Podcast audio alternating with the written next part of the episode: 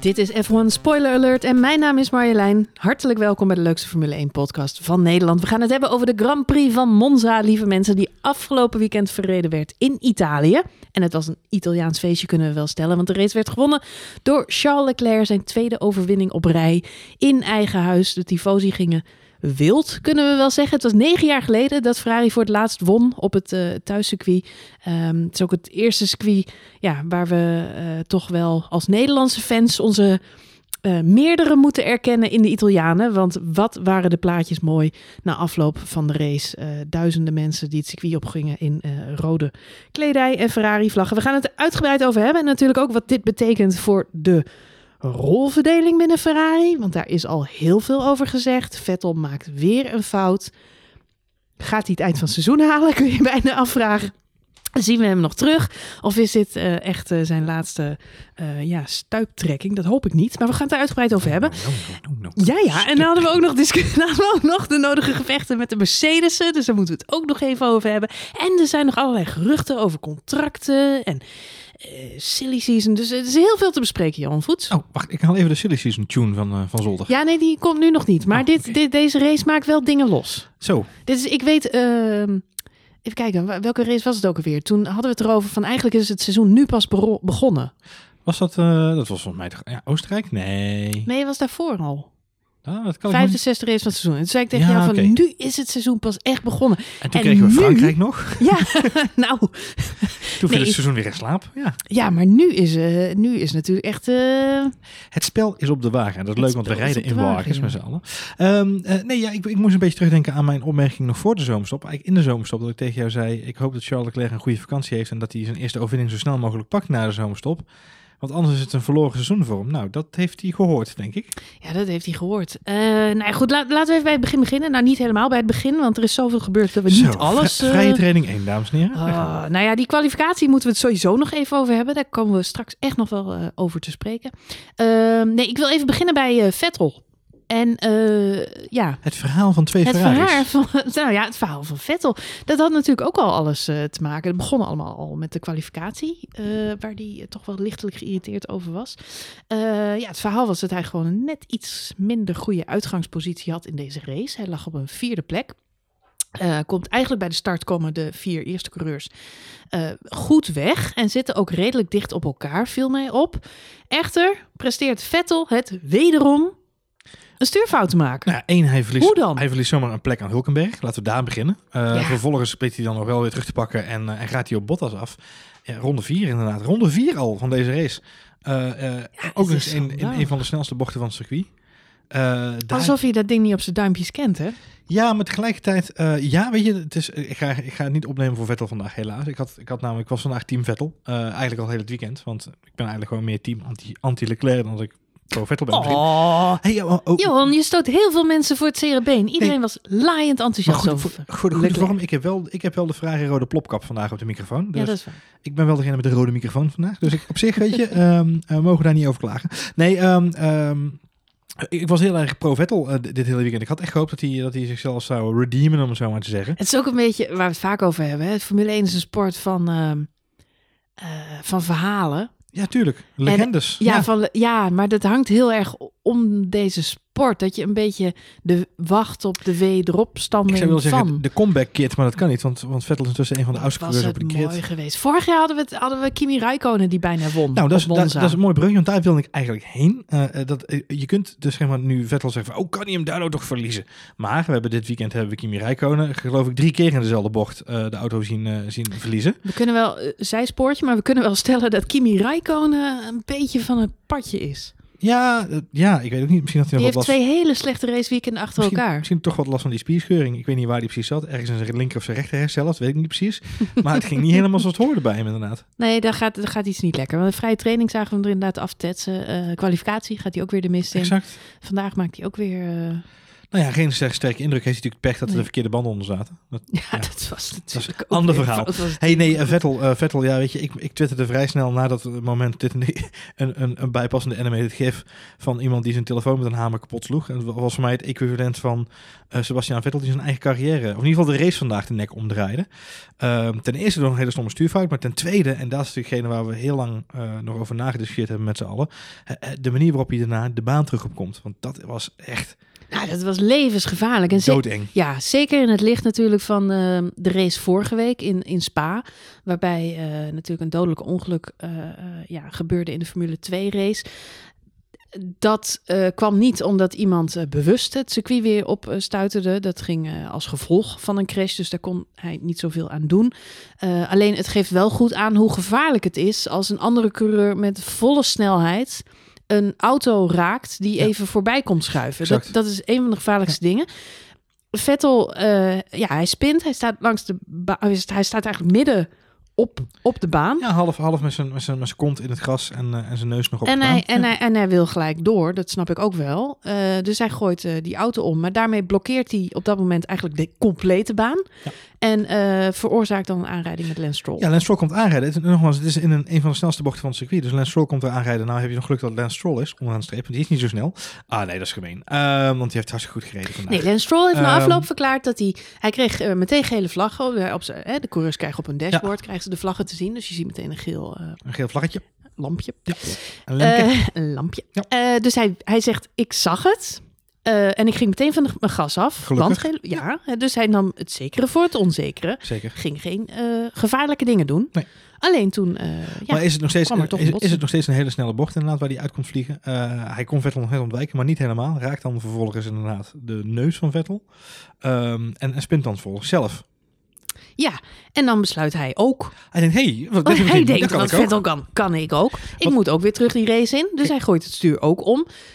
Cruist ook weer terug die baan op. En Prompt als gevolg daar. daarvan moet Gasly zeg maar een Komt reisje ja. door de grindbak maken. Exact. Om ervoor te zorgen dat hij niet eh, daar tegenaan knalt. Nog respect voor het feit dat Pierre hem uit de grindbak weer haalt zonder al te veel gekke problemen. Want het was een behoorlijke vaart waarmee hij het grind in tetterde. Ja, nou ja, nou vind ik eh, Pierre Gasly sinds hij terug is bij eh Toro Rosso toch ook echt een sterke indruk maken. En Ja. trouwens Albon ook heel erg bij Red Bull. Maar beide coureurs laten zien dat als ze op het gras of op het grind of wat dan ook komen, goed in staat zijn om die auto weer Ja. de baan te krijgen. In tegenstelling tot, nou, hè, neem een Giovinazzi, die, die daar toch wat meer moeite mee heeft.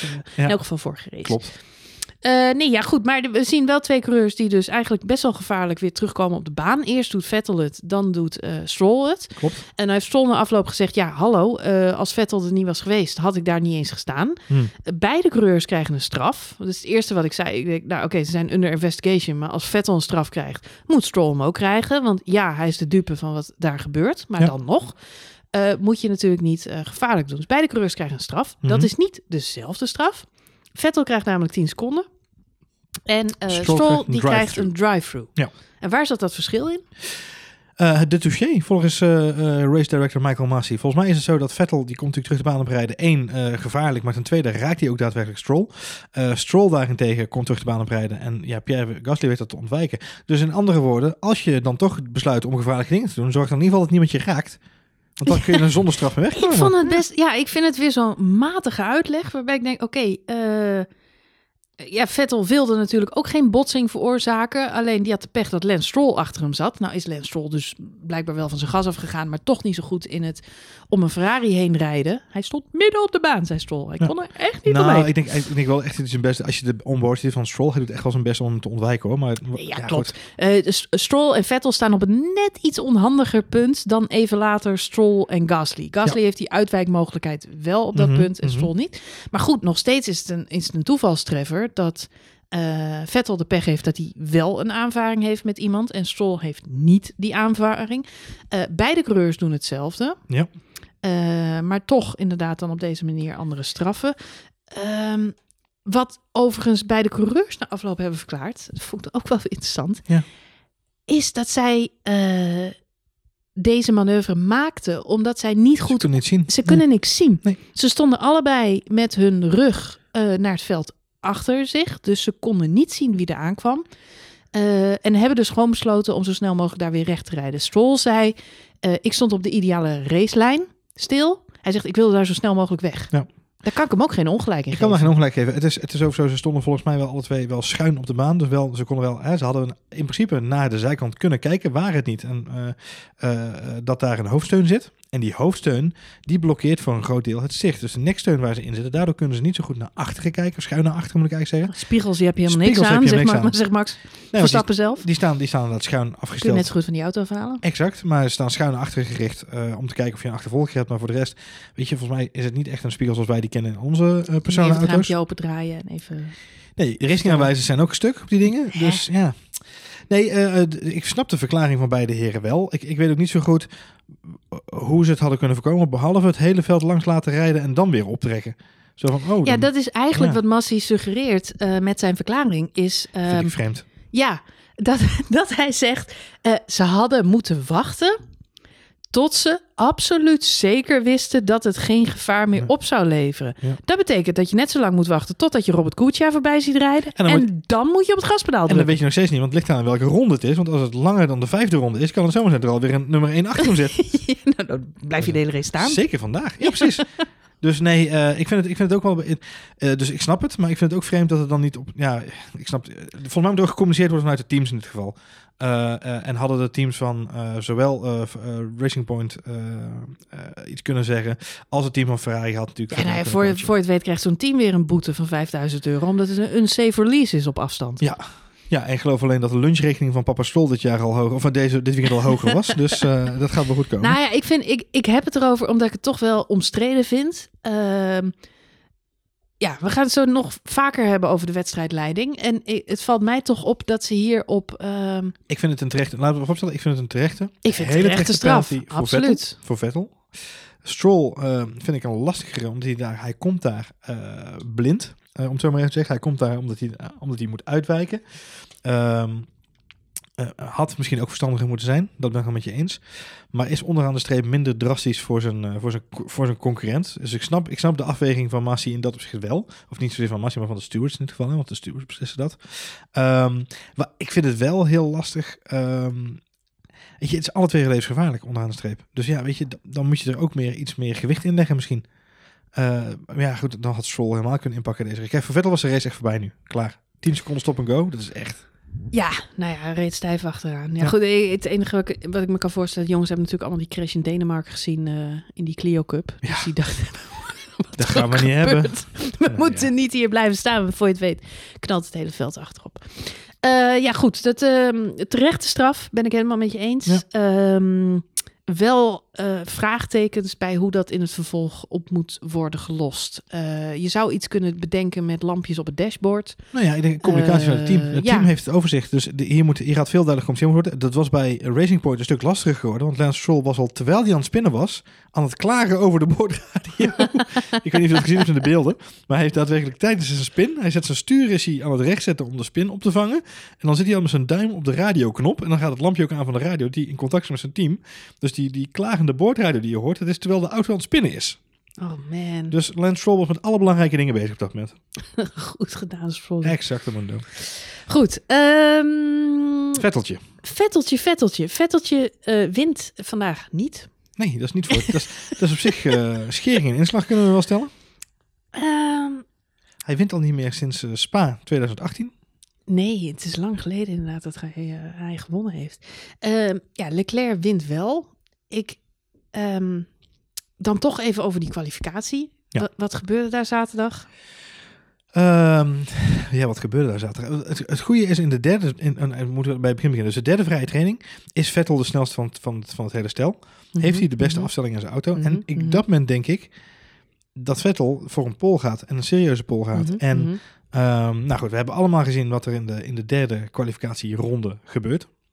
Ehm chaos Nou ja, het en, heeft, het heeft politiek steekspel. Ja, nou ja, wat, wat, wat sowieso mij bijblijft, meer dan ooit tevoren, dat is eh, eh, dat dit circuit, eh, Monza, eigenlijk een nog veel grotere impact heeft op de strategie en de beslissingen van zowel coureurs als team, teams als Monaco.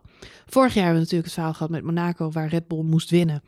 Eh, uiteindelijk maakt Max een fout en Ricciardo die gaat er met de pol en de winst vandoor. Dat was helemaal ingecalculeerd, moest hem zo worden. Het is eigenlijk een compleet geregisseerde race. De auto was daar helemaal op gebouwd. Eh, dit jaar had je eigenlijk een soortzelfde scenario op Monza. Dat moest het weekend van Ferrari worden. Werd heel erg gehyped. Wat ik fascinerend vond is hoe alle andere teams zichzelf in een soort van underdog positie positioneerden. Ja. Dat werkt natuurlijk ook. Want als Ferrari zenuwachtig wordt, gaan ze fouten maken. Altijd. Mhm, mhm. Ehm, dus ja, dat kun je ook maar beter doen. Eh, echter bleek tijdens die vrije trainingen en tijdens die kwalificatie dat iedereen best wel wat snelheid had meegebracht naar Monza. Ja. Zo slecht ging het niet. Alleen, wat was nou het verhaal? Je moest die toe hebben, je moest die slipstream hebben van een voorligger. En het scheelde gewoon vijftiende. Ja. En vijftiende was verschrikkelijk veel op deze baan. In de, als je ziet dat de top 10 eh, in de eerste kwalificatierondes gewoon eh, binnen een seconde stond voor elkaar. Dat is een half seconde, dus echt heel veel inderdaad. Ja, bizar. Dus iedereen wil die toe hebben. En blijkbaar, en dat, ja, dat houdt mij heel erg bezig. Vettel heeft eh, al over de boordradio verklaard waar blijft Leclerc. En ook na afloop heeft hij gezegd, er was een afspraak. We hadden een plan en dat plan hebben we ons niet aan gehouden. Dat was een, No. dat een afspraak. Wat goed is om te weten is eh, eh, eh, over die toe inderdaad. Hè, daar is veel over gezegd en gesproken. Het schijnt zo te zijn geweest dat de raceleiding al op vrijdagavond heeft gesproken met alle teams en coureurs. En ze uitgelegd heeft, ook binnen de Formule 2... Als we in de Formule 2 en in de Formule 1 eh, spelletjes gaan zien tijdens de kwalificatie, waarin we gaan lopen eh, remmen en elkaar ophouden en we gaan steekspellen zien om die toon niet te hoeven geven of niet te willen geven, dan gaan we daar penalties voor uitdelen. Interessant om te weten. Dat dat dus is hardop is gezegd. Hè. Er is gedreigd met straffen, om het zo maar even te zeggen. Mhm, In de mhm. Formule 2, eh, als ik me goed heb laten informeren, zijn er een, een stuk of wat, volgens mij enkele tientallen boetes uitgedeeld. Mhm, mhm. Aan, eh, of grid penalties uitgedeeld aan alle coureurs. Volgens mij is de hele grid daar op een gegeven moment zo'n beetje omgedraaid. Omdat het inderdaad daar hetzelfde gebeurde als eigenlijk in die kwalificatie, derde kwalificatie gewoon bij de Formule 1. Nou, wat zien we? Eh, we zien McLaren's houden de boel op, eh, of dus een McLaren, want alleen Sainz was er nog op dat moment. We zien de twee Renaults, Ricciardo en Hulkenberg, die natuurlijk te horen krijgen. jongens, hou je positie en probeer gas te krijgen. Het begint eigenlijk bij, bij het begin en dat is dat alle teams te laat de pitstraat uitrijden. Ze zijn allemaal Nou, veel te strak ja. voor een, voor een Nou ja, ze zijn, nou nee, ze zijn niet te strak. Want het mooie vind ik wel dat dit is echt. ehm, er waren veel mensen op Twitter die zeiden in de afloop: dit kun je toch berekenen? Die teams met al hun big data en dit weet je toch? En ja, ja, ja. Tuurlijk hebben ze dat berekend. Tuurlijk weten ze precies wanneer die coureurs naar buiten moeten. Maar zag je wat die coureurs deden? Nee, daarom. maar Die gingen stilstaan. Nee, dat snap ik inderdaad. Maar het is niet zo dat die coureurs dat alleen maar zelf bedacht hebben op de baan. Hè? Dus Nee, maar eh, eh, op een gegeven moment Albon, die zei al vrij snel over de boordradio. eh, lots of people are eh, missing eh, Ja, cutting corners, cutting ja. corners Ja, to- klopt. om, om de volgorde aan te passen waarin Klopt. ze op dat moment op de baan zaten. Ja. Er werd zo verschrikkelijk gekropen. Ja. Dat op een gegeven moment eh, de, de window out Ja. of eh, sight, zeg maar. Exact. Ja, zicht ja, dus we zagen, en en eh, het mooie van dit hele verhaal is dus, als we even focussen op Ferrari. Mhm. dit, dit weekend zijn de boordradio's met de beelden erbij. De onboard zijn ook, zijn ook vrijgegeven. Staan op Instagram en op, op Twitter worden ze gedeeld. En wat, wat tof is om te zien is dat ehm, Vettel rijdt voor Leclerc. Die komt voor Leclerc de pits uit. En ehm, eh, al vrij snel ziet hij, zit hij klem tussen Sainz en andere mensen. En eh, op dat moment zit hij te zwaaien met zijn hand. En iedereen dacht tijdens de kwalificatie... oh, hij zit te zwaaien naar die coureurs... dat ze door moeten rijden. Maar als je de boordradio erbij hoort... dan hoor je hem over de boordradio zeggen... tell him to come forward then. Eh, hij zit te zwaaien dat Leclerc voor hem moet gaan rijden... want die zou die toe Dat is de moeten geven. afspraak. Dat was een afspraak die ze kennelijk gemaakt hadden. Leclerc had zijn snelle ronde al mogen rijden. Die reed, een, eh, die reed op dat moment hè, de pole position. nou, het die had verhaal is bekend. position. Ja. Ehm, en Vettel zei van, joh, luister even vriend, dit is mijn moment om te, te shinen, go. En we het mooie dit- vind ik, Vettel, Vettel wordt op een gegeven moment ingehaald, Leclerc haalt hem in en dan geeft hij een dot gas. en dan is hij de enige samen met Sainz die nog op tijd is om die, eh, om die ronde nog af te Ja, maken. maar daarvan zei Vettel na afloop ook, dat was natuurlijk veel te laat. Op dat moment sloeg Ja. het nergens meer op. Dus Nee, maar dat, is dus- dat is- niks aan. Dat is dus bijzonder, dat hij, want hij, hij trok echt bij Vettel weg. En dan hoor je Vettel over, de, of, eh, Leclerc over de boordradio zeggen, ach jongens, wat een toestand. Wat een toestand. Nou, gelukkig hebben we Pol. Leclerc zegt dat. Ja. Ja, ja, ja. Ja. ja. ja, Leclerc die verklaart toestand jongens, nou gelukkig ja. hebben we Pol. Ja, nee, ik vond het ontzettend dubieus, Johan. Ja, dat, ik, ik ben, ben het met je eens. Ik, ehm, Jij, jij ziet conspiracy theories. ja. Pak een moment. Ik pak even mijn aluhoedje. Ja. Ja. Luister, ik, eh, ik kijk al heel lang Formule 1. En ik, ehm, ik heb ook heel veel boeken gelezen over Formule 1. Eh, het leuke is van boeken over Formule 1 is dat je daarin ehm, de verhalen achter de schermen hoort. Mhm, mhm. En met name jaren na dato, ik vertelde laatst al, ik heb een leuk boek gelezen van een eh, mevrouw die heel lang in de Formule 1 heeft gewerkt als eh, cateraar, 30 jaar. Ehm, de dingen die zij meemaakt, eh, envelopjes met geld van Briatoren die weddenschappen voor tonnen afsluit met Bernie met- Ecclestone. Envelopjes met kook. Ja. Ja, ze zegt de gekste dingen. Ze zegt, eh, ik heb, eh, nou ja, ik- eh, ze heeft hele gekke dingen moeten halen voor coureurs en hun vriendinnen en ehm, andere personen. ja, precies. Dus er, zijn, er gebeuren gekke dingen. Maar los van al die idiote dingen, er speelt gewoon heel veel politiek. Dus er zijn altijd belangen. Er zijn altijd zaakjes, dingetjes die belangrijk zijn. En wij hebben het er aan de buitenkant vaak over dat er bij Ferrari van alles gebeurt. Eh, daar hebben we totaal geen zicht op. Daar zal ook eh, niet zo heel snel iets over naar buiten komen. Vorig jaar kwam een keer iets naar buiten, omdat Vettel had eh geluncht, als ik het goed heb, met Bernie Ecclestone. ja, klopt. En toen heeft hij naar Bernie Ecclestone wel een beetje laten vallen dat het een politiek steekspel is bij Ferrari en dat hij daar af en toe heel erg moe van wordt Ja. en dat dat ja, hem frustreert. Bernie Ecclestone heeft dat een beetje doorgelekt, dus zo lag Laat het dan Bernie overal een beetje te lekken. Zo lag dat dan toch een beetje op Bernie straat. Ja. Nee, ja, goed, maar het, het verhaal wat jij nu zegt. Ehm, er, er zijn afspraken. Er zijn afspraken over wie de toog heeft. We hebben dit bij Red Bull ook heel vaak gezien. Eh, daar is het ook wel eens misgegaan. Maar Ricciardo en Max hadden ook altijd afspraken over wie. Reden om en om. Ja, Om en om. Ja. De ene race doe jij het, andere race doe ik het. klopt. En dan helpen we elkaar. En Ja. ehm, daar zijn teamhoors. En tuurlijk, af en toe wordt daarvan afgeweken. Ehm, maar in principe is dat eh, afspraak is afspraak. Wat er bij Ferrari gebeurt, vind ik inderdaad ontzettend opvallend. Het feit dat Vettel eh, die toe zou krijgen en Leclerc gewoon niet thuis geeft, Nee. sterkt mij in het vermoeden dat er een plan lag Oeh. van Charles Leclerc en de naaste Team, Le- team, Leclerc. Ja. team Leclerc. En zijn squad. Met zijn squad. Nee, ik heb sterk het gevoel. We hebben in het begin van het seizoen vaak gezien dat Leclerc natuurlijk de sjaak is van juist die, die, hè, die eh, eh, voorkeursbehandeling binnen Ferrari voor lange tijd nog Vettel. Vettel is daar gehaald. Vettel verdient 50 miljoen. Charles Leclerc die verdient 5 miljoen. Vettel is de grote man. Vettel is viervoudig wereldkampioen. Vettel zou net als Michael Schumacher zijn grote held Ferrari terug gaan brengen Nou, naar top. dat wereldkampioenschap. En daar, daar geloven ze in, dat is belangrijk voor ze. Eh, ik heb al vaker genoemd, Schumacher werd om dezelfde reden gehaald als een soort messias. Toen zag het er heel even naar uit dat Eddie Irvine de eerste Ferrari-coureur zou gaan worden die Ja. weer een wereldkampioenschap eh, pakte. Dat lukte uiteindelijk niet. Dat werd Mika Hakkinen dat jaar. Het had alles te maken met de gebroken been van Schumacher, beste mensen. Ehm, dat, daar was zelfs Ferrari een beetje blij om. Want eh, er is zoiets als een legacy en dat zijn ze aan het uittekenen en ze Ja, willen ja. dat dat samenkomt. Nou, dat plan ligt er ook voor Vettel. Ligt er al heel lang voor Vettel. Sinds Maar Vettel 2015 denk ik zo ongeveer. maar, maar Vettel, blijf maar fouten maken. Blijf maar domme dingen doen. Dus ik kan me goed voorstellen dat er een kamp is binnen Ferrari.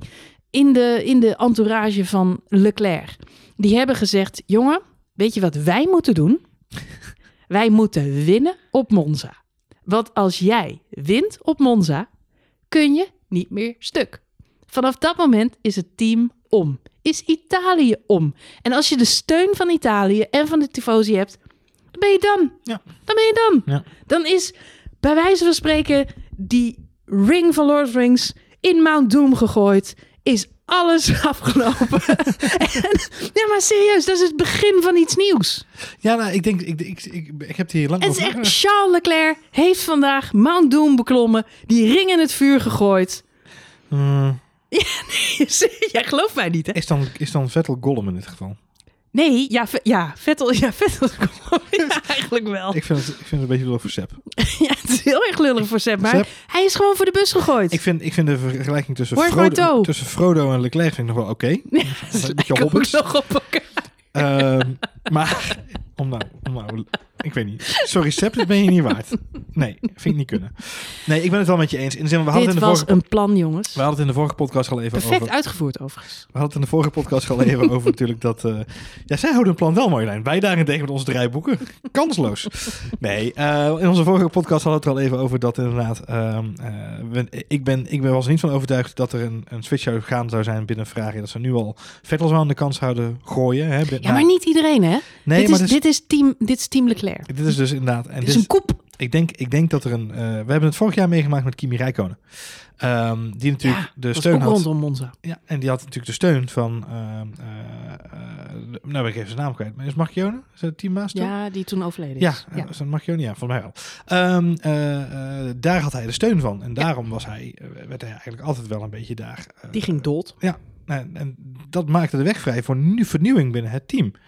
Ehm, en ja, weet je, dan is het gewoon... Arif Benne ging eruit, het Kimi ging weg en Leclerc is gekomen. En dan, ja, dan weet je dat er een soort van frisse wind... En dat is altijd een zure wind bij Ferrari. Niet geen hele frisse wind.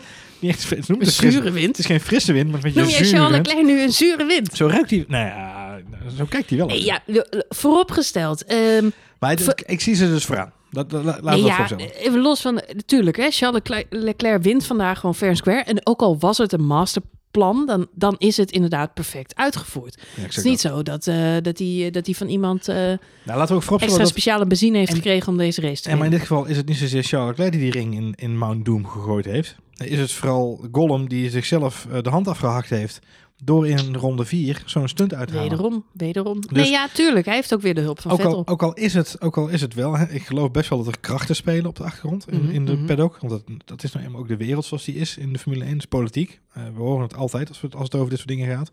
Ehm, dus ik, ik denk heus wel dat daar iets speelt. Alleen, eh, ja, Vettel had het dan had alles in eigen hand dit weekend. Had alles in eigen hand. Ja, maar ja, je weet één ding zeker van Vettel. En dat is dat hij het verprut. Die kans is bij Vettel gewoon nog Ja, maar groter dat- maar dan bij een rookie als Charles Leclerc. Maar dat is gewoon- toch de kern van de essentie van de middelpunt van de basis Ja, van het tuurlijk. centrum van het Ja, maar goed, Charles, hè, Charles Leclerc kon ook niet alles doen. Omdat hè, dat, dat Vettel van de baan spint, dat is nog het allermooiste. Maar wat ze wel, volgens mij, hebben gedaan, dat is die kwalificatie toch een beetje naar hun hand zetten. Door Charles Leclerc al die snelste ronde te laten rijden. Niet die toe te geven. Daar heeft hij achteraf ook zelf niks meer over verklaard, niks over gezegd. Wat, eh, ik weet niks van de afspraak. Is niet meer te sprake gekomen. Nee. Eh, daarmee heeft hij Vettel wel degelijk benadeeld. Eh, die stond lekker eh, met de twee Mercedes eh, ertussenin eh, een end uit, de- uit, de- uit de weg. Uit de wind. Dus daar De had hij geen last van. Ja. Dus het enige wat hij moest doen was die Mercedes ervoor blijven. Nou ja, goed, dan zat er een Ferrari motor in dat Moest je ding. alleen nog dus, even doen. inderdaad. ja, precies. nou ja, goed, daar moet ik misschien dan nog even over hebben. Maar, Maar, dat, is, maar dat is wel een dingetje, want het is wel zo dat ik, kijk, ik weet dus niet, als ik kijk naar de race vandaag, en dat, is, Mhm. ook, dat is ook het andere punt. We, we kunnen natuurlijk heel lang over die politiek hebben en over dat soort dingetjes. Maar onderaan de streep, ik vermoed dus niet dat als Vettel wel die pole had gehad, dat Ferrari vandaag gewonnen had. Want de druk die Hamilton vandaag op, op Leclerc heeft toegepast, man, dat was Vettel echt, die was drie keer gespind. Oh, absoluut. Nee, ja, goed. Maar, nee, ja, maar Vettel is maar een bijrol in, in dit masterplan van Leclerc. Vettel was maar één kandidaat die die buitenspel moest zetten. Er waren er nog een aantal. Het gaat me niet zozeer om wat hij met Vettel heeft gedaan of wat hij niet. Tuurlijk, Vettel die heeft, heeft zijn eigen kans om zeep geholpen. En, en Leclerc wint fair and square die race. Het enige wat ik vermoed, wat mijn gevoel zegt, dat is van tevoren heeft hij heel hard nagedacht. Ik denk dat hij op de sim eh, heeft gezeten. En van alle Grand Prix die hij dit jaar geoefend heeft, heeft hij Monza het vaakst gedaan. en hij heeft in zijn kopie gehaald, die moet ik winnen. Ja. Wat er ook gebeurt, Nee, ja, denk Monza ik moet ik winnen. Ja. En of er nou een team van mensen om me heen zat, ja of nee. Maar hij heeft wel heel duidelijk een vooropgezet plan gehad. Monza ga ik winnen. Daar is de auto voor gebouwd. Daar ga ik presteren. En voor de rest, tuurlijk, het is allemaal bijzaak. Dat Vettel wat verder weg stond, was mooi. Dat Vettel spint, is ook mooi. Dat de Mercedes een minder goede motor hadden, kwam ook allemaal goed uit. Maar hij moest het wel doen. Ja. Na afloop van de race, het eerste wat hij doet, in het Italiaans de fans bedanken. Ja. eh, de pers te woord staan. Hij had zijn Italiaanse woordjes allemaal keurig op orde. Hm. Dit was geregisseerd, dit was voorbereid. Dit was een perfect uitgevoerde strategie van een jongen die heel goed wist: als ik in Italië win, dan versterk ik mijn kansen binnen dit team. En dan heb ik niet meer te maken met van die rare eh, trucjes die ze in het begin van het seizoen nog wel eens eh, uitvoerden. Ja, ja, ja. om Vettel voor hem weer op de baan te Nou krijgen. hij we- zegt: laten we- "Laat- als het goed is, is hij daar nu van verlost. Nou ja, en laten we heel eerlijk zijn, eh, tot aan race 6 eh, zo'n beetje denk ik. Hè? Dus als Canada zo'n beetje, daar is het gaan draaien in, de, in, de, in het rol, rollenspel. Want het was 6-0 voor Vettel volgens mij in kwalificaties en resultaten. Sindsdien is, is Leclerc beter. En Absoluut. Is het en is, is Leclerc nu gewoon... Absoluut. Leclerc is ook de nummer 1 van het team. Volgens mij is het nu 7-6. En wat ik al in de vorige podcast, in onze vorige aflevering ook al zei, is als we gaan kijken naar de data. De data zegt genoeg, hè, want data ligt niet. Eh, data laat alleen zien wat er gebeurt, daadwerkelijk. En eh, Leclerc is gewoon al weken, ja, raceweken, beter dan zijn, eh, dan zijn conculega. Nou, hij was deze race super sterk. En ja. vorige race vond ik hem eigenlijk nog sterker. Eh, hoe die daar heeft gereden. En eh, ja, gewoon de Dus jij zegt onderaan de eh. streep, de viervoudig wereldkampioen is zijn credits binnen het team kwijtgeraakt. Ja, ik denk dat dit, dit was de zoveelste spin, de zoveelste fout. Hij, hij heeft er te veel. Het zijn er al zoveel. En ik vind het heel erg, want ehm, kijk, je hebt de. eh, Ik ben zelf eh, eh, ook in de 30 Ook viervoudig wereldkampioen? Nee, was ik maar viervoudig wereldkampioen Formule 1. Ehm, nee, maar ik heb wel een speciaal plekje in mijn hart voor de mede-dertigers die nog rondrijden. Ehm zijnde eh, Vettel, zijnde Lewis Hamilton. Ik was vandaag zelfs een beetje fan van Lewis Hamilton. Oh, je bedoelt het, het seniorenstreepje voor. Ja, ik ben, eh, ja, ik voelde Nou, en Kimi Räikkönen natuurlijk, de oudste man op grid. Eh, ja, nee, maar je leeft toch ook een beetje mee met de helden die je al kent. Natuurlijk, het is leuk al die jongelingen en, en aanstormend talent. Maar ja, aanstormend talent is ook alleen maar leuk als je nog de legendes ook hebt rondrijden. Daarom is het zo jammer dat een Alonso uit de sport stapt. Daarom is het jammer als Räikkönen afzwaait of als Lewis Hamilton ineens gaat zeggen: ik ga fulltime kledingcollecties ontwerpen. Ja. Eh, ja, ja, dan dat tuurlijk. Enerzijds, die nieuwe generatie vind ik te gek. Lando Norris, Max Verstappen, eh, Charles Leclerc, super. Maar ze zijn zo te gek omdat je ook die oude coureurs erbij hebt zitten. En is ja, nu, nu begin ik toch wel een beetje bang te raken dat, eh, ja, dat Vettel wel eens zou kunnen gaan stoppen. Nou ja, ik denk, ik denk niet als je hem hoorde na afloop. Eh, ik vind het nog leuk wat ik doe, maar als je er niet goed in bent, vind je het toch niet zo leuk. Zoiets was het geloof ik, hè? Dat Ja. de strekking. Ja. Dat was weer heel, eh, heel erg gekrenkt, om het zo maar even te zeggen. En ook zijn, zijn teamradio na de kwalificatie, thank you, thank you. En ook zo hard uitspreken in de pers. Eh, we hadden een afspraak en die wordt niet nageleefd.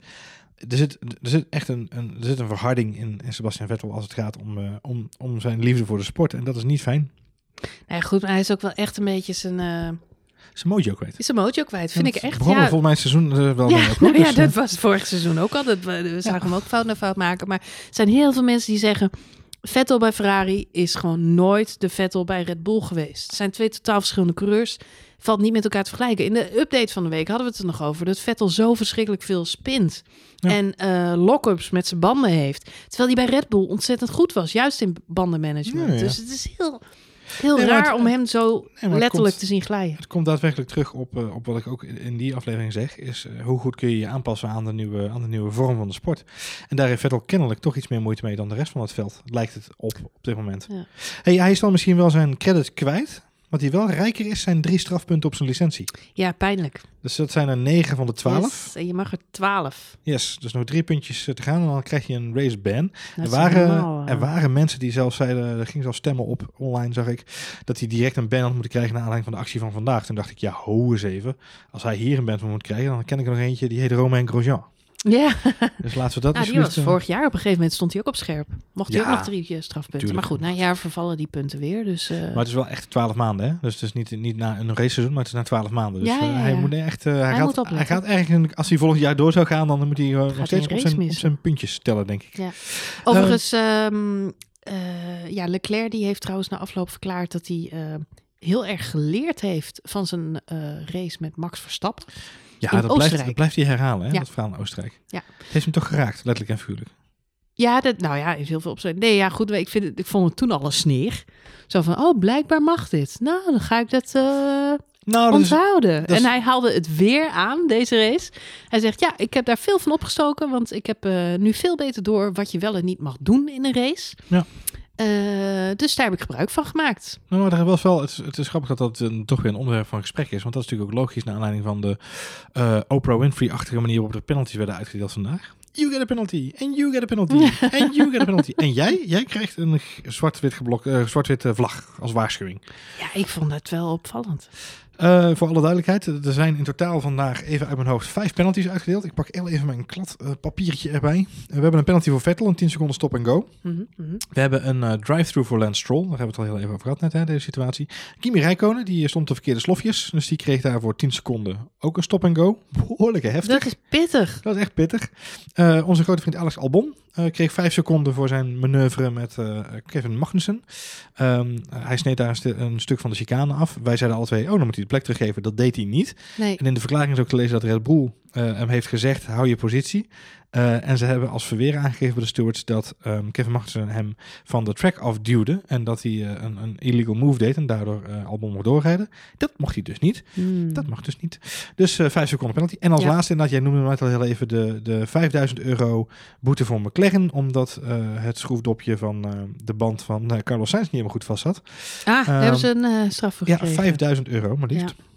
Dus eh, dat is, eh, daar zullen ze een nachtje minder goed over slapen. Misschien, of niet. Kijk maar even. Eh, met andere woorden, het was een penalty galore. Ehm, behalve de momenten waarop het er misschien echt toe had moeten doen. Twee situaties in het gevecht Hamilton-Leclerc, waar we het misschien even over moeten hebben. Ja, ehm, nou ja, wat Leclerc al zegt, hij heeft geleerd van de situatie met Max Verstappen. Dat betekent dat hij meer risico gaat nemen. Eerste keer stak hij natuurlijk een, een stukje van de baan af. Waardoor hij eigenlijk het, eh, het gat met Hamilton weer wat eh, ruimer laat worden. Nou, in de, eh, in de eerste situatie is lap ronde 22. Eh, dat is de situatie waarin Hamilton op, op, op, door een klein, klein foutje van, van Leclerc ineens dichterbij kan komen. Mhm. Ehm, Hamilton valt dan buitenom aan, wil buitenom Mhm, eh, mhm. bij, bij Leclerc langs. Leclerc maakt zich breed. Zo breed dat Hamilton daar moet uitwijken over het gras. Ah ja, ja, ja. ja. Eh, daarvoor krijgt hij een zwart-witte vlag. Ja. Eh, omdat hij inderdaad onsportief gedrag vertoont. Mhm, mhm. Daarop vraagt hij ook, maar waarom dan toch mensen? Nou, dat is dus een beetje zojuist bij een auto van de baan afduwde. Eh, en vervolgens, twaalf rondjes later, ronde 34, daar mist hij het rempunt in de eerste bocht. En daar Mhm, snijdt hij mhm. een stuk van de bocht af. Mhm, Gaat hij mhm. rechtdoor eigenlijk over die, die broodjes die daar lagen. Ja. Komt terug de baan op voor Lewis Hamilton en rijdt rustig door. Ja. Ehm, toen gingen er een heleboel handjes in de lucht. Ook virtuele handjes op de Twitters. Die zeiden, hey, ja, maar vorig jaar Max Verstappen met Kimi Daar gebeurde hetzelfde. En Max kreeg toen een boete. En hoe zit het nou? Want die moest vijf seconden inleveren. Met Valtteri Bottas toch Eh, ook? Bottas, Bottas, was Bottas, ja, sorry. Ja. Eh, gooi, de ene vindt is de andere niet. Nee. Ehm, wat, wat is nu het verhaal daarbij? Eh, het verhaal daarbij is dat ehm, eh, daar is gezegd, Max maakte contact. Uh, Mhm. Er was contact en daarom is daar toen een boete voor uitgedeeld, vijf seconden eh, time penalty. Mhm, mhm. Eh, in dit geval was er geen contact, eh, was er geen grote advantage eh, te bemerken en daardoor mocht hij gewoon doorrijden. Maar er is ook niet eens een waarschuwing gegeven. Dus dat is raar.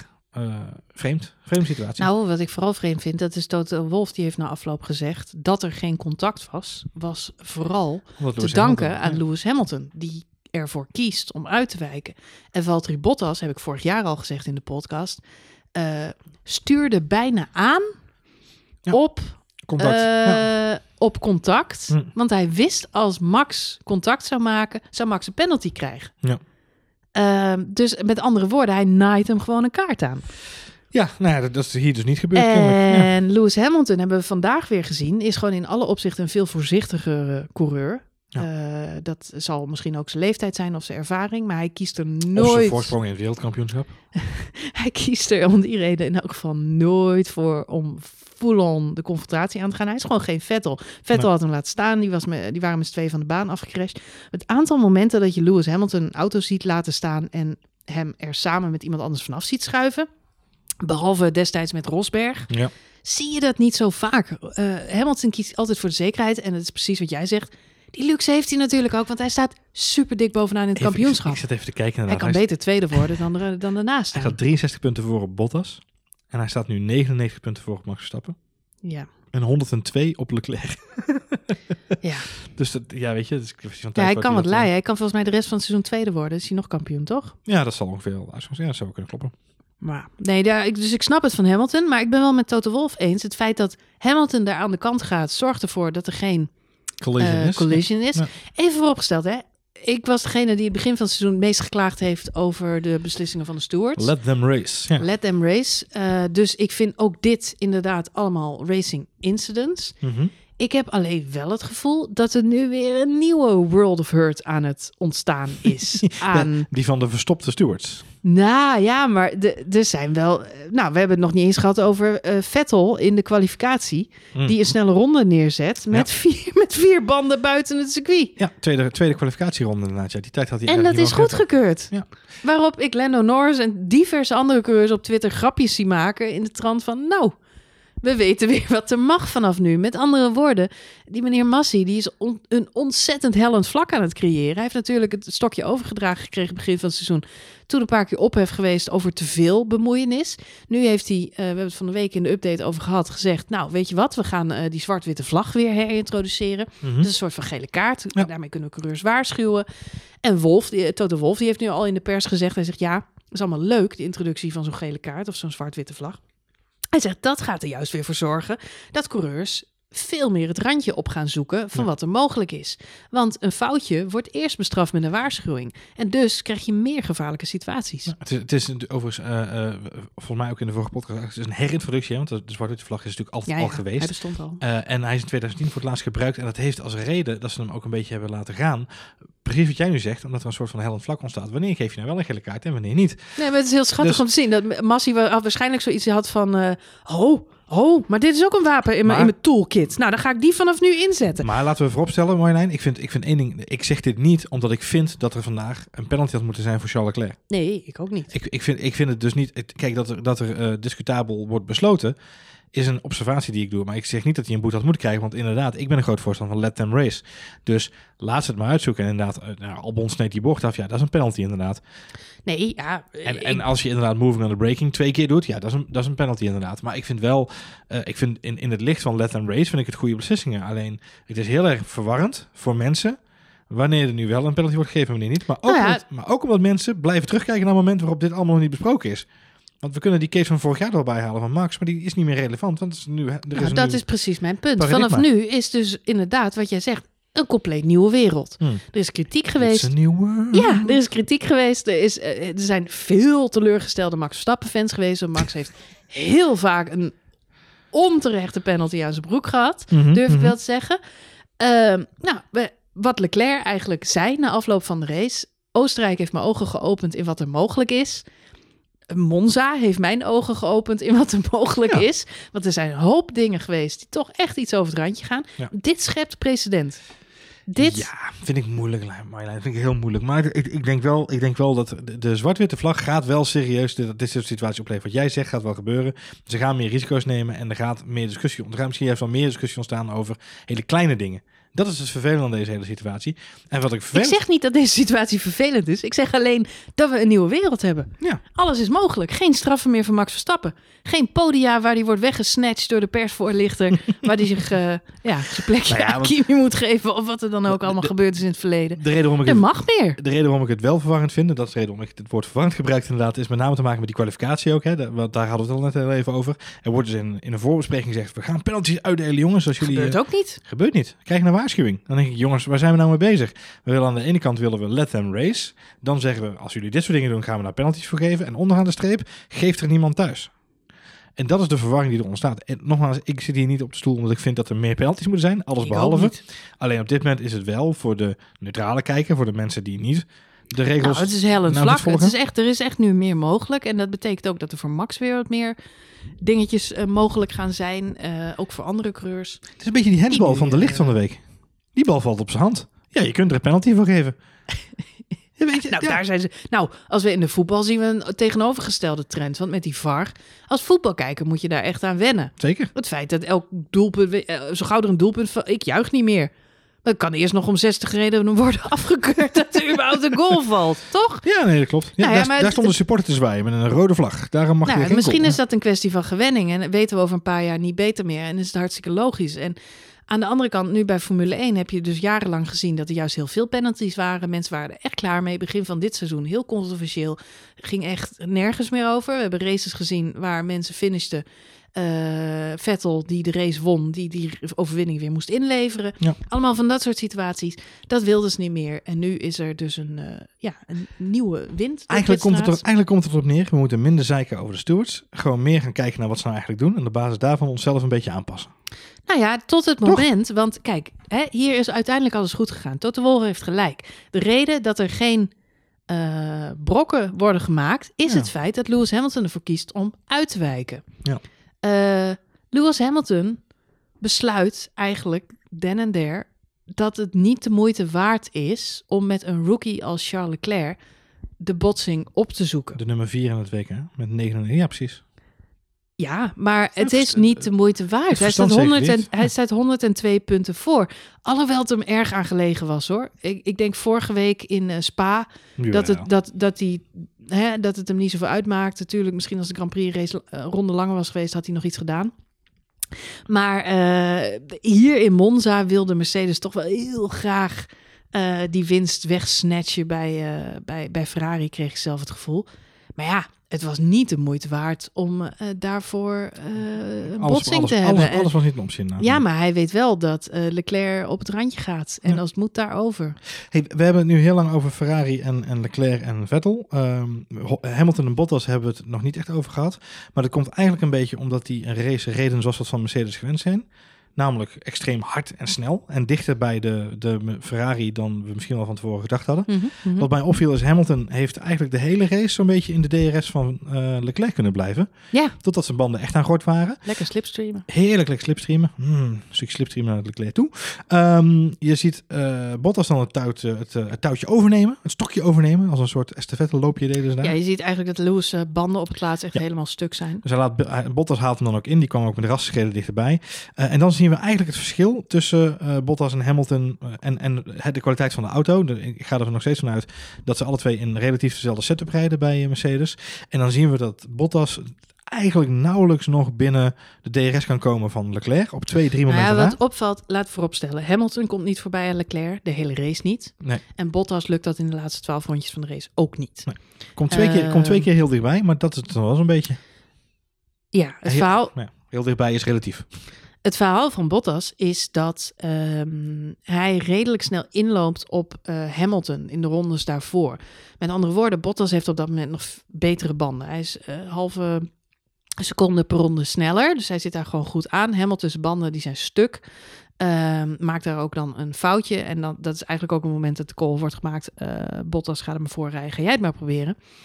Als dat niet al überhaupt het plan was, kreeg ik zelf het gevoel. Dan mag Bottas het gaan proberen. En wat je dan ziet, is dat het Bottas echt een aantal keer lukt om heel dicht achter Leclerc te komen. Heel dicht erachter. Drie tiende, twee tiende, ja. Alleen we zien, we zien Bottas nooit tot een daadwerkelijke inhaalmanoeuvre komen. Want elke keer als hij er heel dicht achter zit in de DRS, dan neemt hij een bocht zo raar, waardoor hij ineens weer anderhalve seconde achter Leclerc zit. Hij En dit gebeurt echt tien Nee, rondes achter Hij elkaar. maakt echt een paar hele rare stuurbewegingen. Dan zat hij de anderhalve seconde achter. Zat hij weer twee tienden erachter. En denk ik, ga het doen, ga het doen. Het laatste keer was wel het mooiste. Want toen zat hij er heel dicht achter. Juist op dat moment zie je hem in beeld. Nou, een curbstone pakken. Waardoor hij inderdaad weer terugvalt was- na anderhalve seconde. was het moment met Lando Norris erbij. Lando Norris ging keurig aan de kant daar. ja. Niks aan het handje. En, dan snijdt hij die bocht bocht zo helemaal verkeerd raar aan. ja. En op dat moment zie je een beeld van Toto Wolf die in de pit zit. Ja, die echt zijn fantastisch. handen op zijn voorhoofd legt. En zegt, oh, dit gaat Mijn hem hemel, ook ja. niet worden met Valtteri Bottas. Nou goed. Nee, Valtteri Bottas is een hele leuke man. En ik blijf erbij. Ik denk dat het een fantastische nummer twee is. Ik denk dat iedereen een Valtteri Bottas in zijn team wil hebben als tweede coureur. Hij is solide, hij is constant. Hij was er gewoon weer bij vandaag. Maar deze overwinning eh, afpakken, dat, eh, daar is hij gewoon niet voor in de wieg gelegd. En Acht, wereldkampioen gaat hij denk ik nooit worden. 18e achter eh, Leclerc eindigt uiteindelijk. Hey, eh, zo'nzelfde situatie, we, we hadden het net over. Jij zegt, Bottas kwam dan even dichtbij en dan weer ver weg. Dichtbij en ver, de-. We hebben het nog niet over Max gehad, deze hele podcast. En dat heeft als belangrijkste reden dat er niet zo heel veel spannends te melden was rondom onze landgenoot. Solide race. Solide race, gewoon eh, een topprestatie. Hij heeft zelf verklaard na afloop. Top, top. Nou, nou ja, Het is geen top. Sorry, excuus. Solide Een race. solide race, excuus. Nee, maar gewoon een goede prestatie, dat wilde ik zeggen. Die auto gewoon keurig naar voren gereden. Hij gaf zelf aan, als hij dat moment met Perez niet had gehad aan het begin van de race, eh, had hij hopelijk nog kunnen aansluiten bij de top 5. Hm. Dat is niet gelukt, dus Hm. daar baalt hij ontzettend van. Maar hij heeft in ieder geval alle vertrouwen richting, eh, richting Singapore. Eh, wat logisch is, Hij had ook mij. pech met de vir- virtuele safety car. Ja, gaf hij ook zelf Hij aan. had net twee ja. Rondjes daarvoor gepit. En toen en toen kwam een, er twee keer een vir- virtuele safety car. De eerste keer konden daar een aantal coureurs van profiteren.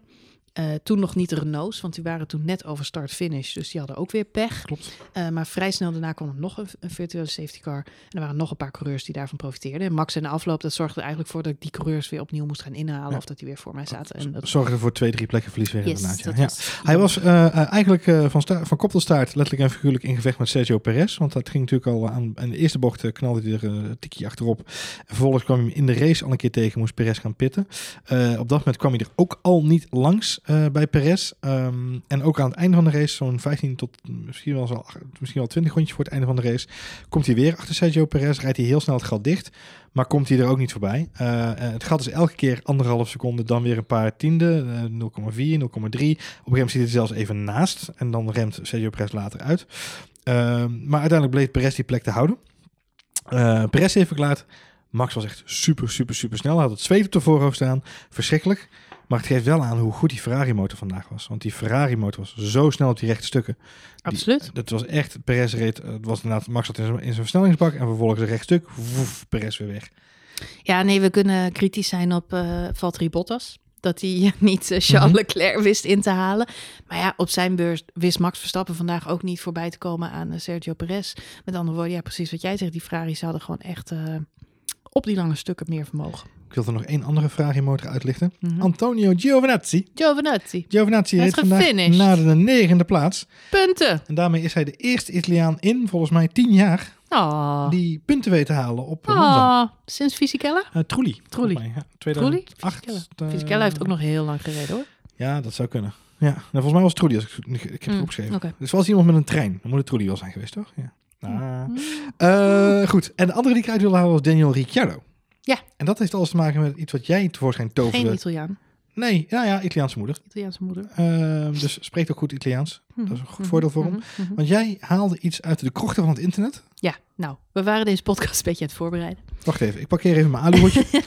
nee, nou, eh, we hebben het net gehad over Vettel. Ja. En eh, het einde van zijn carrière. Oh, dat Nou, ik ben niet this degene... Ja. Nee, ik ben niet degene die dat eh, beweert. Het hele internet beweert dat op dit moment. Dat heeft alles te maken met die overwinning van Charles Leclerc. Die was natuurlijk super. En eh, gewoon, Vettel maakt weer een fout. Dus er zijn heel veel mensen die nu zeggen van dit is het. Dit is gewoon de doodsteek. Jongen heeft er geen lol meer in. Wat doet hij nog in Formule 1? Ehm, ja, wat, wat kan er dan... Stel, dat is waar. Stel, Stel Hij heeft nou er geen niet hypothetisch is. Ja. stel hij heeft er echt geen lol meer in. Mhm. Hij denkt, ik krijg weer een kind. Ik ga lekker thuis eh, Chillen met die billen. chillen met die billen. Hij is geloof ik eh, eh, de, vier, de drie na best verdienende coureur, Formule 1 coureur aller tijden. Ja, laten we stellen dat hij het voor het geld niet meer hoeft te doen. Nee, voor het geld hoeft hij zeker niet te Voor de, doen. Is- YouTube, voor de YouTube views ook niet. Hij hoeft echt geen vlogger te worden, hallo Nico Rosberg. Dat hoeft hij allemaal niet te gaan doen. Hij kan gewoon heerlijk van zijn gezin gaan genieten en leuke dingen gaan doen. Ehm, stel dat hij dat gaat doen. Wat gebeurt er dan? Dan krijgen we natuurlijk een, een vakante positie bij Ferrari. Dan krijgen we een tombola. Nou ja, dan is even de vraag, wat gebeurt er? We gaan niet Kimi Räikkönen terughalen naar Ferrari. Hoe leuk we dat ook zouden vinden. Nee. Maar we zijn net van Kimi af, denken ze bij Ferrari. En we gaan hem niet weer terughalen. Hij is een fantastisch nummer twee, maar ja... Hij zit natuurlijk wel een beetje echt aan het einde van zijn, eh, Ja, van zijn leven, wou ik zeggen. dat van zal- zijn levensduur in de van, Formule 1. Van zijn raceleven. Oh. Nou ja, goed. Nou, de- dus Dus ook dat- Kimi hoeft het niet te doen voor de centen, weten we intussen. Nee, dus, Kimi je, staat ook in die top 5 van Ja. best verdiende coureurs Dus, aller tijden. eh, Dus daar hoeven we ook, ook geen zorg, eh, ook niet eh, medelijden mee te hebben. Nee, die, dat zullen ze niet zo snel doen. Dan heb je nog Giovinazzi. Maar ja, Giovinazzi, het is knap dat hij vandaag punten haalt. Maar kom op, hij heeft nog moet niet... nog wel een jaartje rijpen. hij heeft ja. echt nog geen best seizoen. Het is pas de tweede keer dat hij, dat hij twee puntjes haalt nu. En Drie punten totaal nu, ja. ja, ja. oh, ja, nou, dat zit er Goed. gewoon nog niet in. Dan hebben we Fernando. Eh, overigens is ook eh, min of meer bekend geworden, geloof ik, dat Giovinazzi nu heeft bijgetekend bij ehm Ja, maar ook weer niet. Alfa Romeo. Ook Ik weer hoor- niet? Nee, want ik hoorde, Oh. was, of ik nou vandaag of gisteren tijdens de kwalificatie hoorde dat Olaf Mol ook zei dat ze bij het team van, eh, hij zou hebben bijgetekend, maar Alfa Romeo heeft gezegd, ja maar ho eens even, mogen wij er ook nog even over nadenken? Oh, Want hij heeft wel bijgetekend bij Ferrari, en, maar Oh. daarmee is volgens mij nog niet helemaal rond dat hij ook bij, oh. Volgens mij is dat Nou een ja, beetje, goed. Dat zou dan misschien het achterdeurtje in het contract kunnen zijn, waardoor hij eventueel nog kans maakt op een plekje. Maar goed, Nee. Ferrari met Leclerc en Giovinazzi, twee rookies, da- daar heeft Leclerc ook niks aan. Met andere woorden, er moet een ervaren coureur, Fernando Alonso. een ervaren Fernando. coureur. Fernando Alonso, die komt bij geen enkele team volgens mij meer binnen. Ook al zou hij nog zo graag willen. Hij was er natuurlijk bij dit weekend. Eh, zie ik ook niet gebeuren. Nee, er moet een ervaren coureur naast die eh, Charles Leclerc worden gezet. Iemand die, eh, ja, Die weet je- races heeft gewonnen. Die weet hoe je Italiaans spreekt. Die weet hoe je Italiaans spreekt. Hoeft hij al zijn hele leven op. Ja. Wat blijkt, ehm, Daniel Ricciardo zou een clausule in zijn contract hebben die hem vrij laat om over te stappen naar Mercedes of Ferrari. Ja. Mocht die kans zich voordoen. En ik realiseerde me, jij vertelde dat, toen zei ik, echt waar? Mhm. En toen realiseerde ik me, dat heeft hij ook bedongen bij Red Bull. Want dat het contract van Red Bull, wat hij zou ondertekenen, zijn verlenging, was al rond. En ook Christian Horner heeft daarover verklaard dat dat soort clausules er gewoon in stonden om hem te belonen voor zijn loyaliteit aan het team. Dat Als de kans zich voordeed, een tweejarige contract, en als de kans zich voordoet dat er een team komt, dan werken we mee aan een transfer. Heeft Christian Horner ook nog bevestigd. Hmm. Dus het verbaast me niet dat het bij Renault ook is ingebakken. Ik heb dit uit, eh, ik heb het uit, eh, ik zag het op Twitter ergens langskomen. maar staat het uit- ook in die Ricciardo Revelations dan? Ja, dat zou je verwachten. Nou, ik, ik ga ervan uit dat zijn contract niet compleet online is gezet. WikiLeaks even maar dat weet ik even niet. Maar eh, nee, ik heb niet heel zijn contract doorgelezen. Maar ik heb dit nagezocht. Di- er is een interview geweest met een Australische eh nieuwssite. De Australian. Times, ja.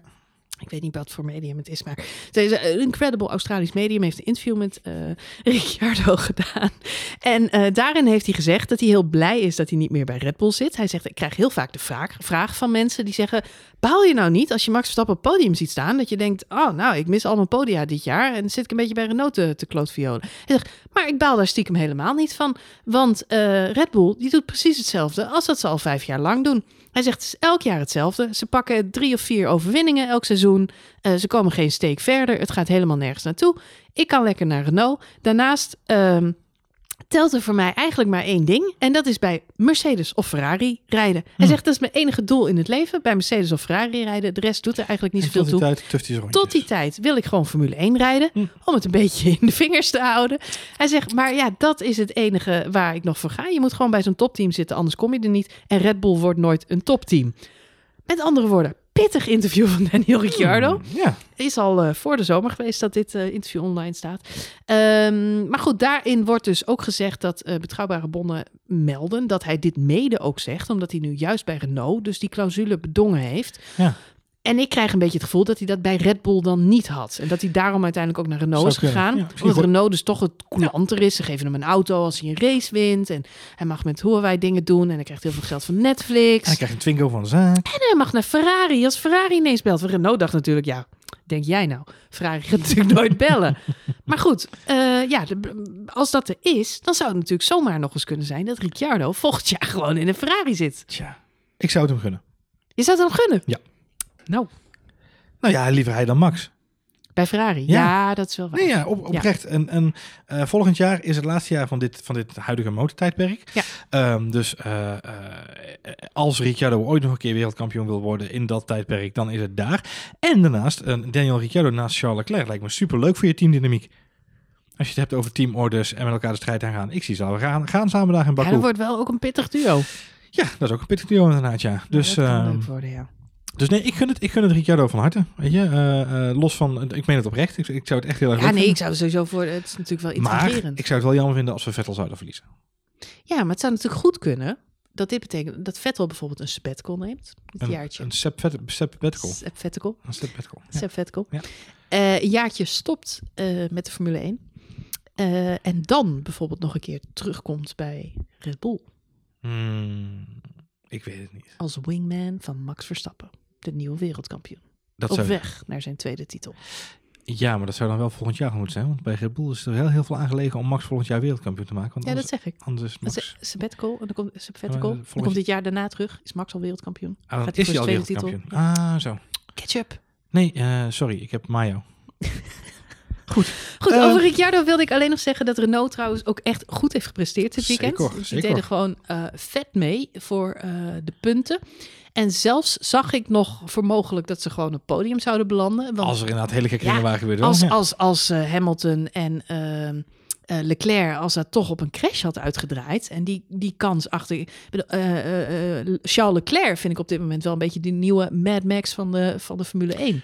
Ah, eh, Guido van der Garde stelde voor om hem vanaf nu bal, Balls Leclerc te noemen. Bals Leclerc. Ja, omdat hij Wat? zo gedurfd rijdt. Ja, hij rijdt gedurfd. En met andere woorden, hij, gaat, hij maakt zich echt breed. Ja. Dus dat betekent, je komt er niet zomaar langs. Nou, je ziet bij een Hamilton, die neemt het risico niet. Het is gewoon een supergoeie strategie, las- want je wint de races mee. Ik las in een eh, nabeschouwing dat eh, heel veel eh tifosi dit weekend ook de vergelijking maakten. Dat is heel grappig met Nigel Mansell. Want Nigel Mansell heeft natuurlijk nog twee jaar bij Ferrari gereden eh, in zijn heyday. Eh, en daar kreeg hij de bijnaam The Lion, omdat hij als een stoere leeuw zichzelf heel breed maakte op de baan en eh, voor elke positie wist te vechten. Ah. Reed heel agressief. Veel mensen zeiden dat de manier waarop hij vandaag gereden heeft, veel tifosi, deed hen denken aan Nigel Mansell. Nigel Mansell.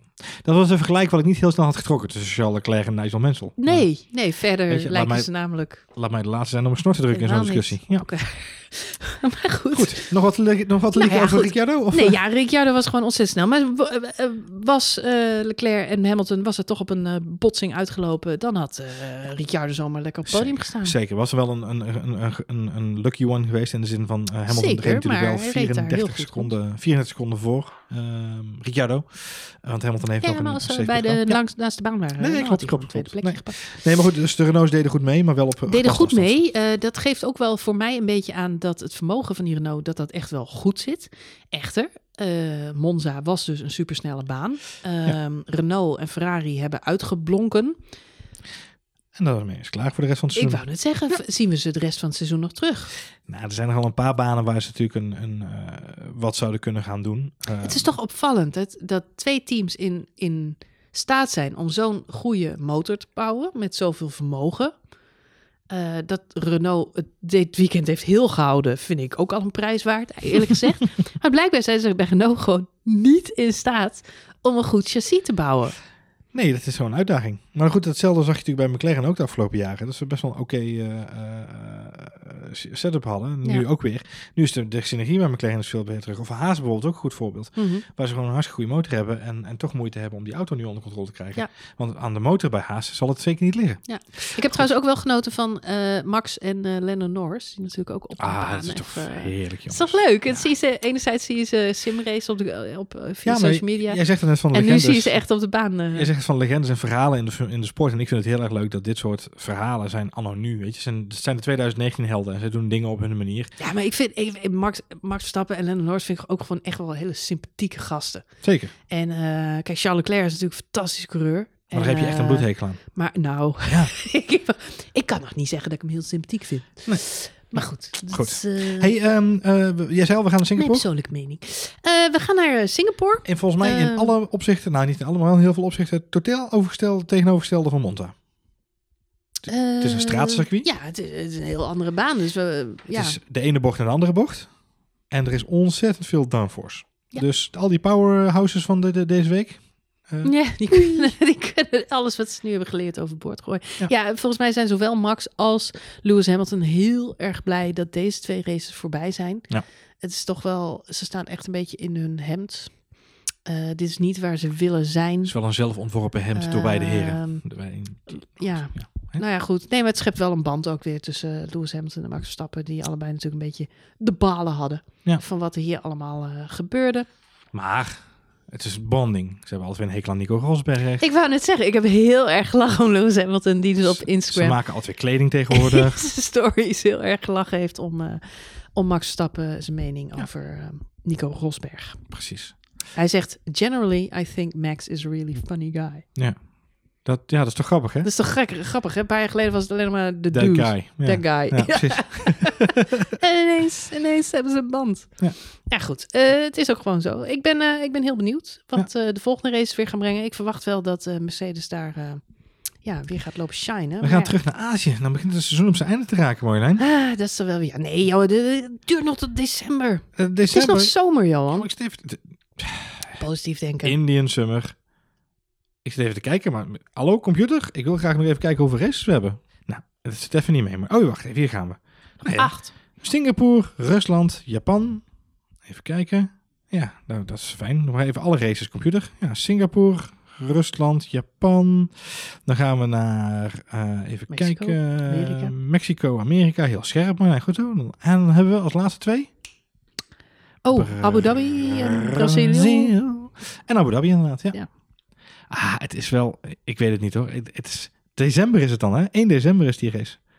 1 december, 2 december. 1 december is de race. Ja, 1 1 december is de race. Ja, Ah, we eindigen op december. 1 december, ja. Het is de week voor Sinterklaas. Nou, laat het hem niet Zo horen. gek. Ja. Goed. We hebben dus nog heel lang te gaan, Johan. Zo is het, Marjolein. Kan nog alle kanten op, Hè? het kampioenschap. De mensen zijn nog niet van ons af. hey, dankjewel allemaal voor het reageren op ons polletje. Ik ga hem er heel even snel bij pakken, want we hebben natuurlijk een polletje weer eruit geslingerd vandaag. Wat was het polletje? Het polletje was vandaag de rating van onze lezers op de race. Oh, en? Nou, ik ga hem even erbij pakken. Eh, Wachten, eh, wachten. Eh, Dat is technologie van tegenwoordig, hè. Kijk, daar is die. Ik heb een polletje uitgesteld. Ik heb mensen gevraagd om te raten. En helaas, omdat het pollingsysteem van onze grote vrienden van Twitter slechts vier opties laat, hebben we 1, 2, 3 of 4 sterren. Maar bij die vier sterren heb ik dan wel twee twinkelsterretjes gebruikt. Marjolein, twee, twee twinkelsterretjes. Hey, ehm, eh, deze race kreeg van ons publiek drie sterren. Nou, wat vind jij ervan, Marjolein? Drie sterren, ben je het mee eens? Drie sterren, geen vier sterren. Nee, Wat was het hoogste? Hoogste is drie sterren, 58% van de stemmen. En vier sterren, 21% van de stemmen. Er zijn zelfs mensen die hem maar één ster hebben gegeven. Marjolein. Oh. Er zijn waarschijnlijk wel echt een hele diehard Max Verstappen fans. Of Duitse fans voor Sebastian Vettel. denk ik. Denk dat. Wat zou jij deze race geven? Eh, van, eh, uit vier sterren? Ja, vier sterren. Maar waarvan twee twinkelsterretjes. Oh. Mhm. Nou, ik, ik heb wel echt een hele goede race gezien. Mm. Ehm, ja, nou goed. Maar hij was niet zo goed als Hockenheim. In de... Ja, maar dat is lastig. dat, ja, als, Ja. als Hockenheim vier sterren is, dan was dit drie sterren. Kan niks, niks, niks anders doen. Maar het was wel echt een goede race. Top race. Leuk, eh dus was geen saai Misschien moment. moeten, we- misschien moeten we gewoon toevoegen één ster, twee sterren, drie sterren of Hockenheim. als een soort, als een soort Nog een bovenste bepaling. Ja. ranking. ja, precies. Onhaalbaar. Volgens mij moeten we gaan afsluiten. Yes. Eh wou je nog iets zeggen? Nee, ik heb Oh, alles gezegd wat ik wilde zeggen. Mijn Ja, klapplaatje goed. helemaal doorgenomen. ja, ik zit ook eens te kijken. Nee, ik heb alles Nou, goed. eh. Ik heb hier al een we boodschappenlijstje. doen er ga van de week nog even een update, hè? Want er is wat nieuws. Er rommelt bij Williams. Het rommelt bij Williams, het rommelt bij Ferrari, het rommelt van Er alle zijn, eh, kanten. lopen allemaal mensen rond in de pitstraat. Ja. Er liep dit weekend ook een dame rond bij Williams. Oh, fantastisch. Maar nu zou er toch iemand anders getekend hebben. Hmm. Goed, we gaan het eh, van de week eh, allemaal eh, meemaken in de update van eh, F1 Spoiler Alert. Die komt meestal eind van de week online, dus hou je podcast-app in de gaten. Wil jij reageren op deze aflevering van F1 Spoiler Alert? Dan kan dat via Twitter naar Het F1 Spoiler Alert. of naar Het Johan Voets. of naar Ed Marjolein. Ja, ik zou ze één keer alle drie doen. Maar goed. Nou, Onze Twitter-handle insprekermachine. hm. Goed, eh, dus reageer vooral via Twitter. Ook als je het niet eens bent met alles wat wij eh, vandaag gezegd hebben. Of als je daar juist wel mee eens bent. Ik ben heel benieuwd eh, wat jullie denken van ehm, Vettel en zijn carrière. En het plan, het masterplan van Frodo, aka Charles Leclerc. De Vettelveten. De Vettelveten. Dank voor het luisteren. Heel graag tot de volgende aflevering van F1 Spoiler Alert.